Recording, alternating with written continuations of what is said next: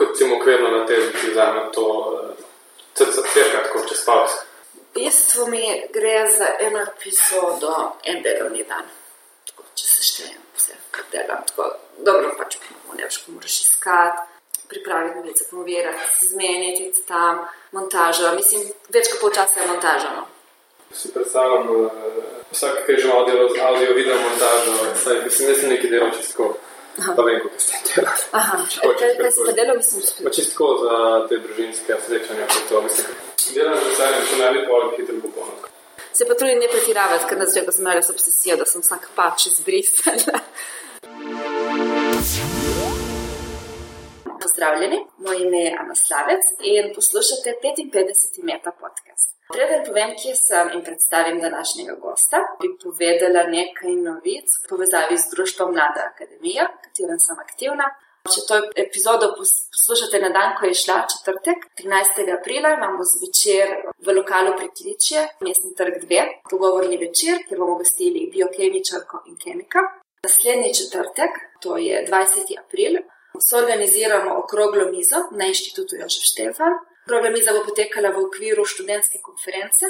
Gosti okrogle mize bodo štiri mlade znanstvenice in en mlad znanstvenik. Tema bo podobna okrogli mizi, ki smo jo imeli v kavarni Union februarja, tudi 51. epizoda. V maju društvo organizira dogodek, kjer bomo gostili tisti, ki so lani poskušali se prijaviti na Marie Curie projekte in bodo delili svoje izkušnje s tem prijavljanjem. To bo 16. maja v Pritličju. To so bile novice. Nahajam se na Zavodu za gradbeništvo Slovenije. Z mano je Andrej Anžlin, mladi raziskovalec na oddelku za konstrukcije. Andrej, pozdravljen. Pozdravljen. Andrej, ti si inženir gradbeništva. Res je. In predstavljam si, da gradbeniki imate veliko možnosti, kaj lahko počnete. In zanima me, zakaj si se odločil za to pot, da postaneš mladi raziskovalec. Ja, ta pot ni bila tako na hitro, bom rekel, ampak uh, že, že v srednji šoli ali v osnovni šoli so me zelo zanimale tehnične stvari. Potem, kasneje pa je prišla ena prilika, ko sem prek študenta začel delati tukaj na Zavodu za gradbeništvo. In sem dobil eno možnost, da bi pa lahko tukaj delal kot mladi raziskovalec. In še takrat sem se prvič srečal s tem, kaj to mladi raziskovalec sploh je. In ko sem začel malo raziskovati, sem ugotovil, da to pa bi mene lahko zelo, zelo zanimalo. Torej, to ni nekaj, kar si že od malih nog planiral, da nekaj ne boš znanstvenik in delal doktorat. Ko sem od malih nog, sem nekako, ko sem bil še v osnovni šoli, ki sem bil majhen, sem mislil, da bom fizik, nek raketni fizik, nekaj tasno. Ko sem bil majhen, sem bil itek hotel biti uh, marsikaj, no, če tako rečem, da so bile to neke muhe do dnevnice. No, zdaj tukaj pripravljaš uh, doktorat, um, zaposlen si na Zavodu za gradbeništvo. Ali lahko malo poveš o tem zavodu, kaj to počnete? Na zavodu se ukvarjamo z različnimi stvarmi, ki, ki jih srečamo v gradbeništvu, raziskave na materijalih. Potem uh, tukaj na oddelku za konstrukcije se ukvarjamo prav z različnimi tipi konstrukcijami, uh, imamo različne laboratorije med drugim tudi največji laboratorij za konstrukcije pri nas v Sloveniji, kjer lahko preizkušamo konstrukcije v, v, v naravnem marilu. Sam se ukvarjaš z mostovi, brala sem dispozicijo tvoje naloge. Naslov je vpliv uklona vzdolžne armature stebrov na potresni odziv obstoječih armirano-betonskih mostov. Tako je. Ja. Če sem jaz prav razumela, gre za to, da večina teh mostov v Sloveniji je zelo starih. Ja. In da delate neke ocene, koliko so potresno varni in ali bi jih bilo treba obnoviti, da se poveča varnost teh mostov. Tako pač posplošeno.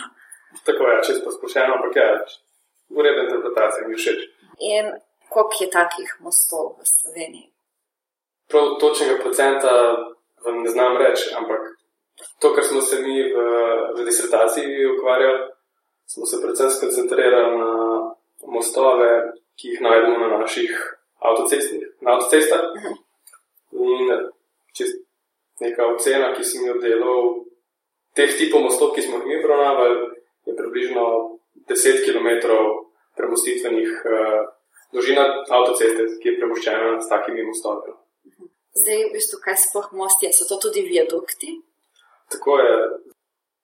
Viadukti so, so dejansko premostitvene konstrukcije, ki premoščajo pač neko, neko prometnico, lahko je to železnica, lahko je cesta, avtocesta, naprimer. In zdaj, če pod njo teče um, nek vodni objekt, ne, je to most, sicer pa temu rečemo viadukt. Aha, torej razlika med mostom in viaduktom je, da Tako. pri mostu spodaj je neka voda. Aha, pri, pri viaduktu pa. Pa ni nujno, pa lahko, lahko gre recimo nek objekt čez uh, železnico in temu rečemo viadukt. Aha. Oziroma nadvoz. Ampak v tvoji raziskavi ti v bistvu te zanimajo tudi viadukti, ne ali samo mostovi. Zdaj, mi smo se v naši raziskavi predvsem omejili na stebre, se pravi, to so elementi, ki podpirajo bodi si viadukte, bodi si mostove. To je čisto, ne, ne, ni tako pomembno, zdaj je to viadukt ali most. Mhm. Ampak predvsem, kakšni so ti stebri, ki podpirajo to uh, prekladno konstrukcijo.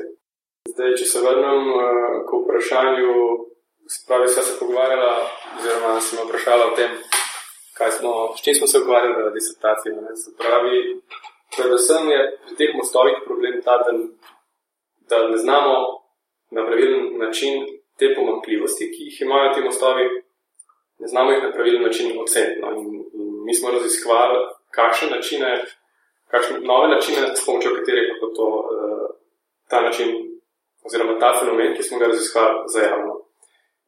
Ker smo inženirji, uporabljamo neke poenostavljene modele in se dosti krat oprijemamo, bom rekel, uporabljamo tudi empiričen pristop. To v bistvu pomeni, da tudi greste nekako tam na teren, pa se pravijo neke meritve. To je tudi uh, koncept, ki pri zdaj mogoče niso na tukaj zakon, ampak ta problem uh, se pojavlja pri obstoječih konstrukcijah. Uh -huh. Se pravi, pri novih konstrukcijah, ki jih projektiramo po naših, -huh. po današnjih sodobnih principih projektiranja, načeloma teh težav nimamo, nimajo teh konstrukcij. Ker je bilo že zgrajeno s tem. Tako, tako. Pri obstoječih pa so neke pomakljivosti in gotovo moraš iti na teren, pogledati, kakšna je konstrukcija, v kakšnem stanju je, kakšni so detajli. In potem, bom rekel, ta konglomerat informacij, ki pa so odvisni, bom rekel, nivo informacij, odvisno, koliko časa in denarja imaš, da lahko te podatke pridobiš. No, in na podlagi teh informacij lahko potem in pa nekih obstečih analiz poveš o, tem, o tej konstrukciji, ali je primerna ali ni primerna za neko, neko stanje. Okay. Uh, Pripravljala sem, da si sestavljal neko bazo podatkov, to pomeni, da si v bistvu za nek, neke objekte zbiral neke določene informacije. Kaj so bile te informacije, ki si jih zbiral? V prvi vrsti smo iskali neko, oziroma smo generirali bazo materialnih karakteristik eh, armature in betona, ki sta osnovna gradnika armirno-betonskih konstrukcij. To je, bil, to je bil en del disertacije. Glavni del disertacije pa je bil postavitev, nek, postavitev neke nove podatkovne baze, kjer smo v, v literaturi iskali take že opravljene eksperimente v laboratorijih, pri katerih je bil ta problem, smo, o katerem se zdaj pogovarjamo, uh, se pravi, uklon zdolžne armature, je posledica teh problemov, kjer je bil ta problem opažen. No? In na nek način smo vzpostavili neko bazo, s pomočjo katere lahko te karakteristike bolj opišemo karakteristike, kot v bistvu, kako je. No, vse, eh, zdaj, če greva v nasled, naslednjo fazo teh pomankljivosti, ki smo se pogovarjali, ne, ki so pri obstoječih konstrukcijah, posledica teh pomankljivosti je, da se pri potresni obtežbi, pri, pri močnih potresih, pride do tako imenovanega uklona vzdolžne armature in ta na nek način zreducira neke naše pričakovane mejne deformacije teh stebrov. Ne. Oziroma, če poenostavim, um, pomagljivosti obstečih mostov pripomorejo k temu, da so konstrukcije, da, da na nek način prenesejo ali pa se poškodujejo pri šipkejših potresih, kot pa bi mi si želeli po današnjih principih, sodobnih principih projektiranja. In s pomočjo te baze imamo zdaj nove informacije, rekel, karakteristike teh stebrov, na podlagi katerih lahko sedaj mi pripravimo neke izboljšane metode in na ta način znamo zajeti te pomankljivosti v naših numeričnih analizah. Menjaš, da lahko zdaj že nek manjši potres naredi neko škodo. Mislim, pomeni, da se zdaj neka ta cesta, ko gre čez, da se udre. To jaz se izogibam izrazoslovju, da bo nek potres poškodoval, porušil objekt, ampak gre samo za to, da primerjamo pri nekem istem potresu, kakšne bodo poškodbe. Se pravi, če imamo nek potres, ki se lahko zgodi v stoletjih, naprimer na, v, v okolici Ljubljana, lahko, če imamo dobro sprojektiran most, prišlo do manjših poškodb. In če bodo manjše poškodbe, pomeni, da bo promet ne bo prekinjen na tej prometnici v primeru potresa. Torej, gledate neke projekcije stanja, glede na različno moč potresa, kako se bo. Na nek način, ja. Se pri tem uporabljajo tudi neke podatke o tem, kakšna je situacija v tujini. Je tudi relevantno, če so, mosto, če so te stebri podobno zgrajeni, ali je Slovenija nekako specifična v tej gradnji. Specifičnost uh, Slovenije, bom rekel, na tem območju centralne Evrope je specifičnost uh, teh mostov, ki smo jih mi preiskovali, da imajo stebre, ki so razvejenih oblik. In pri takih to pomeni, recimo, stebr v obliki črke I, oziroma I stebra. In pri takih stebrih, take oblike, se te pomankljivosti še bolj izrazite. Tako da v, tej, v tem kontekstu je, je ta problem specifičen. Naprimer, pri okroglih uh, stebrih so, ti, so te pomankljivosti manj izrazite zaradi nekih fenomenov objetja betona. Torej, v bistvu potem prepoznamo, da je nek most novejši, da ima okrogle stebre. To se ne bi mogel če strinjati, ker Mi lahko tudi stebre s tako obliko prečnih prerezov sprojektiramo na ta način, da so popolnoma varni in primerni za, za vsakdanje uporabe. In take stebre tudi pri nas imamo in obstajajo. Tako da specifika, mogoče, da se povezava s tojino, je ta, da, da se v globalu se pa ti fenomeni po izrazijo tudi v drugih, pri drugih oblikah, tudi pri pravokotnih. In tudi drugod po svetu imajo starejše mostove, ki te pomankljivosti izkazujejo. Ampak naša motivacija je bila pa predvsem pri teh stebrih, mostnih stebrih razvejenih oblik, ki imajo te pomankljivosti, ki so v bližini našega območja, pa bom rekel naši regiji. Verjetno ima nek vpliv tudi material, iz katerega so te stebri narejeni. To je zdaj armiran beton, ampak to verjetno ni vsak armiran beton enak, ampak so različne kakovosti tega betona. Seveda v gradbeništvu poznamo različne trdnostne razrede. Pri obstoječih konstrukcijah pa je v tem smislu predvsem pomembno, v kakšnem stanju je beton. Se pravi, če je delaminiran, to pomeni, da je že razpadel, razpokan. Če mi po, po inženirsko povedano, potočimo s kladivom uh, po betonu in slišimo tako imenovan sound concrete, lahko rečemo, da je ta beton podlegel trajnostnim, uh, oziroma da ni podlegel zobu časa. Ne? Potem pa seveda imamo še vrsto preiskav, kjer s katerimi določimo karakteristike tega materijala, betona, modul elastičnosti, tlačna trdnost in tako naprej. In te stvari potem v naših analizah seveda poštevamo. Zdaj, če se vrnemo na te bazi, ki si omenjal, koliko imaš recimo nekih objektov, nekih enot v tej bazi? Zdaj, ta konkretno, mi smo jo poimenovali uklonska podatkovna baza, je sestavljena samo iz konzolnih stebrov. In teh je bilo 74. No. Ta številka je mogoče za nekatere kriterije statistično zelo mehna, ampak za, za kriterije z vidika potresnega inženirstva, veliko, da ni tako mehna. No. Se pravi, od teh 74 stebrov smo jih 11 preizkusili tukaj v Ljubljani, v našem laboratoriju, na Zavodu za gradbeništvo, in te smo vključili v to bazo. 12 je bilo pa preizkušenih v okviru enega projekta RRS, kjer smo sodelovali skupaj s fakulteto za gradbeništvo in geodezijo.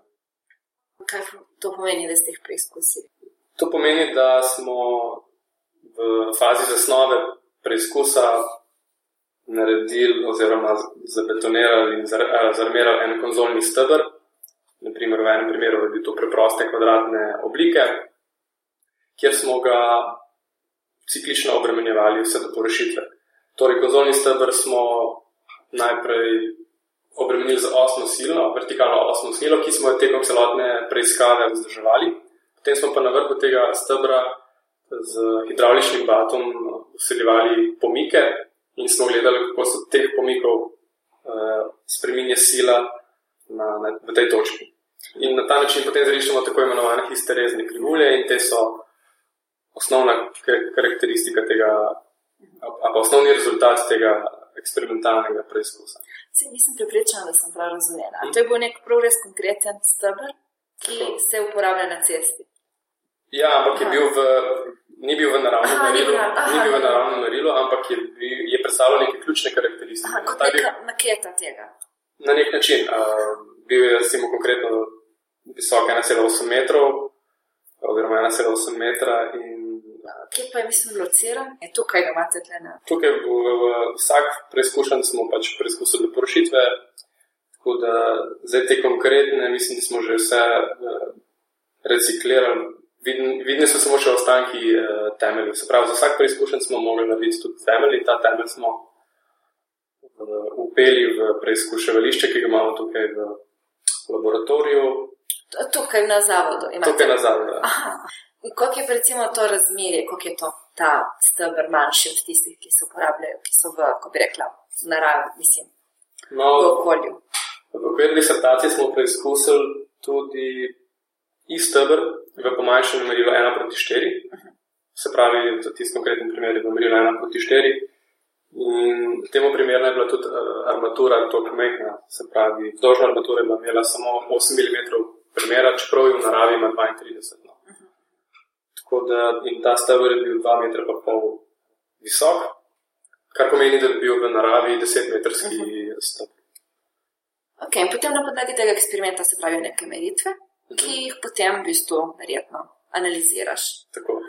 Kako zdaj ta poteka ta analiza? Zdaj tudi sama se ukvarjam s statistiko, tako da me zdaj zanima, no, kako potem počnete s temi podatki. Zdaj med samo preiskavo smerimo silo pa pomik na, na, na vrhu konzole v tem primeru. Hkrati pa imamo še en kup dodatnih merilnih mest, kjer merimo deformacije s pomočjo induktivnih merilcev, string gaugeov. In po koncu preiskave imamo en kup informacij, ki jih obdelamo v odvisnosti od protokola obremenjevanja in potem karakteriziramo najbolj pomembne točke tega testa. To je, kdaj armatura začne eh, teči, se pravi, kdaj armatura steče, kdaj se tvorijo razpoke, kdaj pride do porušitve in tako naprej. Kdaj pride do odpadanja krovne plasti. In te karakteristične točke povežemo z vsemi temi rezultati, ki smo jih merili med, med samim testom.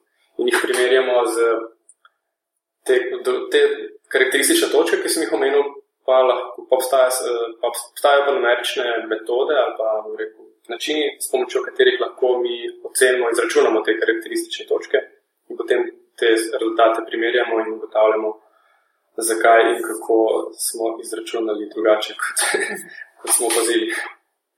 Kako bi pa povzel neke glavne ugotovitve tvoje disertacije? Glavna stvar moje disertacije je predvsem to, da obstoječe konstrukcije imajo neke detajle, ki po sodobnih principih projektiranja niso, niso ta pravi, če tako rečem. Ne? In s pomočjo naših rezultatov disertacije lahko zdaj bistveno bolj natančno ocenimo odziv teh stebrov. Zato, ker v preteklosti je bila ta ocena mogoče nekaj manj natančna, kot pa je zdaj s pomočjo naših. Torej, v bistvu izboljšali ste natančnost tega. Tako, tako. Uh mhm. -huh. Kar je pa zelo pomembno, ker vemo, da večina infrastrukture je. je ima že neko življenjsko dobo in v, v prihodnje bo potreba po ocenitvi obstoječih konstrukcij pač če dalje večja. In zaradi tega pridejo te metode prav, ravno Europod 8.3, to je en standard, ki se ukvarja s projektiranjem, potresnim projektiranjem konstrukcij. No, ravno ta Eurocode 8.3 se ukvarja izključno s tem, kako oceniti eh, potresno odpornost obstoječih konstrukcij. Ja, to se spomnim, da sem prebral v tvoji dispoziciji, pa je nekaj omenjeno, da je neka formula v tem standardu narobe interpretirana. Tako je, ja. Zdaj, zakaj je bila narobe interpretirana, lahko da je bil lapsus, ampak po drugi strani v tej formuli je zajet ravno ta vpliv klona zdolžne armature, ki smo ga mi raziskovali. Tako da v tem standardu, obstoječem trenutno, je tista enačba pač napačno definirana in tisti, ki vejo, kaj, o čem ta enačba govori, to napako takoj, bom rekel, lahko najdejo. Ne? Če pa ne veš, o čem ta enačba govori, pa nekdo, ki to enačbo vzame in jo uporablja, pa pač napačno. Ampak to je nek mednarodni standard. Tako je. Ampak zakaj se pa to ne popravi? Zdaj se v trenutno se pripravljajo novi, nova verzija tega standarda in v tem no, v novi verziji bo to, bo to popravljeno. Mhm. Ampak ta postopek pa ni tako, rekel, hiter, kot si mogoče mi to predstavljamo. En kup enih procedur, ker je pač ta standard na evropskem nivoju in se mora vse članice strinjati s spremembami. Je ta pač postopek daljši, kot bi si človek mislil. Pri gradnji se stvari pogosto zavlečajo dlje, kot človek misli. Torej, zadnji sklop vprašanj, ki jih postavimo vsakemu intervjuvancu. Preden začnem z vprašanjem, me zanima, kdo je tvoj mentor. Moja mentorica je Tatjana Isakovič, ona deluje na fakulteti za gradbeništvo in geodezijo in pa tudi na zavodu za gradbeništvo pa profesorja eh, Miha Tomaževiča. Kje so mentor? Ja, on je v bistvu glavni mentor kot, uh, Aha, kot nosilec. Me zdaj zanima za, za njo, če je kakšna zabavna anekdota povezana s tvojo mentorico ali mentorjem, ki bi jo povedal poslušalcem meta podcasta. Ja, mogoče bi lahko delil zgodbo, kako sem v bistvu prvi teden, ko sem formalno postal mladi raziskovalec.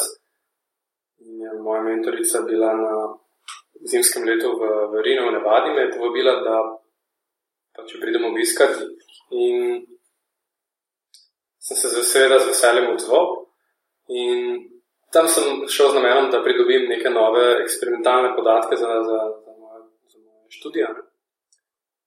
In v tistem trenutku je pa pač tisti odnos med mentorjem in mladim raziskovalcem, čist, čist tak na začetku, rekel, ne veš točno, kaj pričakovati, kako se to vse postavlja. No, in tam se prav spomnim, ko je mentorica rekla, da če greva pa za eno pijačo v center. Ne, in so bila tam dve uri za šankom in se pogovarjala z američanicami, debata.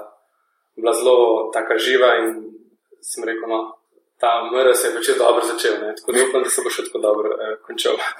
So se tvoje pričakovanja glede doktorskega študija, kako so se spremenjala od tega, ko si začel do danes?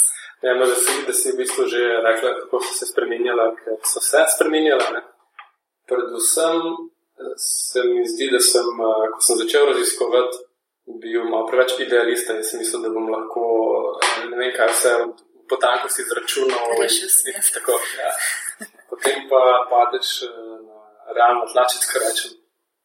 In, in se pač odbiješ in pobereš, kar veš in znaš. Seveda, meni je bilo to veliko lažje, ker sem eh, deloval tukaj na Zavodu za gradništvo in sem zelo dobro imel. No, nisem imel ima zelo dobre sodelavce, ki so mi zelo veliko pomagali. Tako da, ja, predvsem bi rekel to, da, da, da drugače gledam na, na raziskovanje, veliko drugače, kot sem takrat. Če bi imel priliko iti na kavo s predsednikom vlade, kaj bi mu predlagal, da spremeni na področju znanosti v Sloveniji?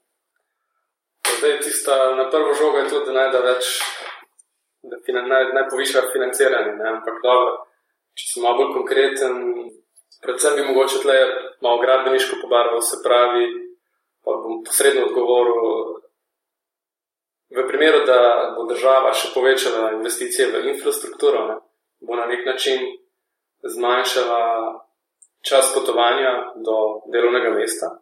In sem prepričan, da bo na ta način lahko več znanstvenikov in znanstvenic ostalo v Ljubljani, če bodo, imeli, če bodo manj časa potovali do, do Ljubljane oziroma podobnih centrov, kjer, kjer je pač možnost, da se zaposlijo. Tako da izvidim tle eno tako povezavo, boljša infrastruktura, železniška, cestna, hitrejš prideš do delovnega mesta, boljša kvaliteta življenja več bo, bo znanstvenikov, znanstvenic ostalo v Sloveniji. Ja, zdaj nekako me mika, da bi preskočila vprašanje, ker se to navezuje. Prej si povedal, da se voziš kar lep čas v službo, pa poslušaš podkaste. Še dve vprašanje, preden pridemo do tega. Če ne, denar ne bi bil omejitev, kaj bi raziskoval? predtem smo se že kar dosti pogovarjali o eksperimentalnih preiskavah, tako da kot inženir zelo spodbujam čim več eksperimentalnih preiskav imam v glavi en tak zelo širok eksperimentalni program, ki bi vključeval ogromno število testov in pa še eh, laboratorije iz različnih področji sveta. Ker sem mnenja, da če se enak preizkušanc preizkuje v Sloveniji ali pa v Ameriki, mogoče rezultati niso čist.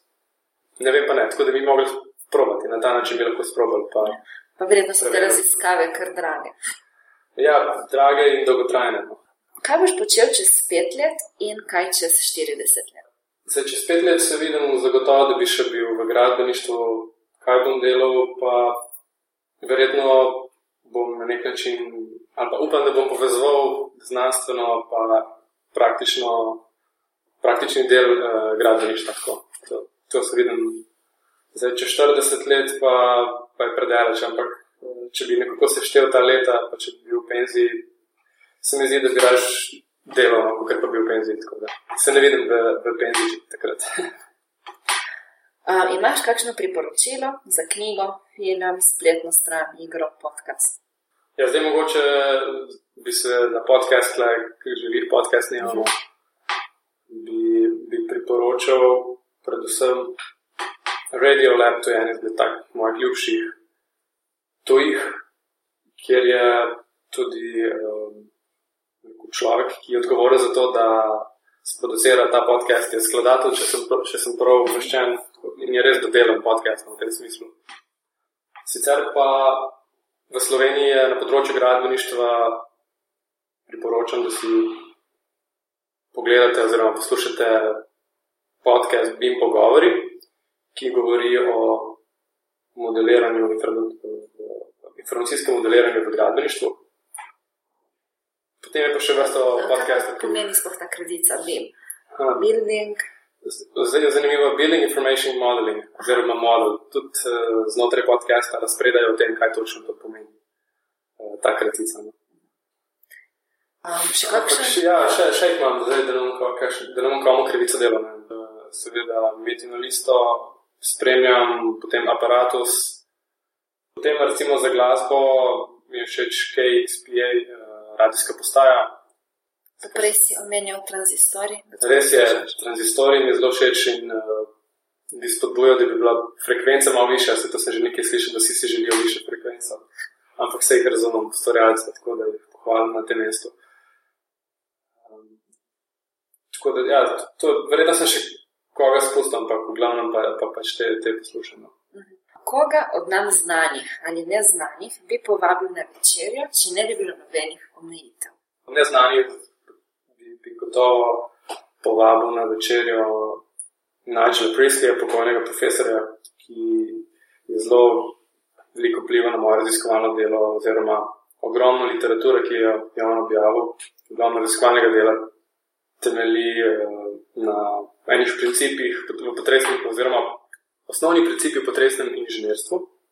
So, so, so izhajajo iz njegovega iz njegovega raziskovalnega dela. Tako da sem pripričan, da bi bilo z njim zanimivo iti na, na večerjo. Če bi pa od znanih, bi pa, bi pa verjetno Leonardo da Vinci, ker je en tak človek, se mi zdi, ki je zelo dobro znal uh, povezati umetnost, pa tehniko in tako naprej.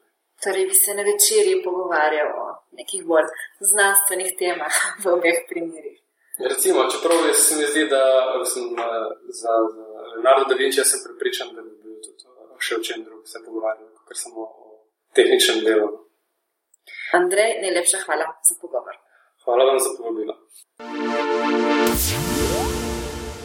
Poslušali ste Meta podcast, ki ga pripravljajo Luka Avsec in Ana Slavec oziroma začasno samo jaz. Kakorkoli, pogovarjava se z doktorskimi študenti in študentkami pred zaključkom doktorata z različnih področji znanosti. Če vam je všeč, kar počneva, naj jo lahko podprete z donacijo portalu Metina Lista, ki gostuje ta podcast, pa še veliko drugih zanimivih znanstvenih vsebin. V zahvalo boste prejeli knjigo Zanimiva, navdihujoča, uporabna, zbornik prispevkov gostov prvih dveh sezon. Na www.metina.si gostujete še dva podcasta, Metina Čali o medijih ter metamorfoza o biologiji organizmov. Za pohvale, pripombe in predloge me dobite na Twitterju, kjer sem Afna Aslavec. Vesela bom, če pri omembi uporabite hashtag metaphodcast, ko se napiše.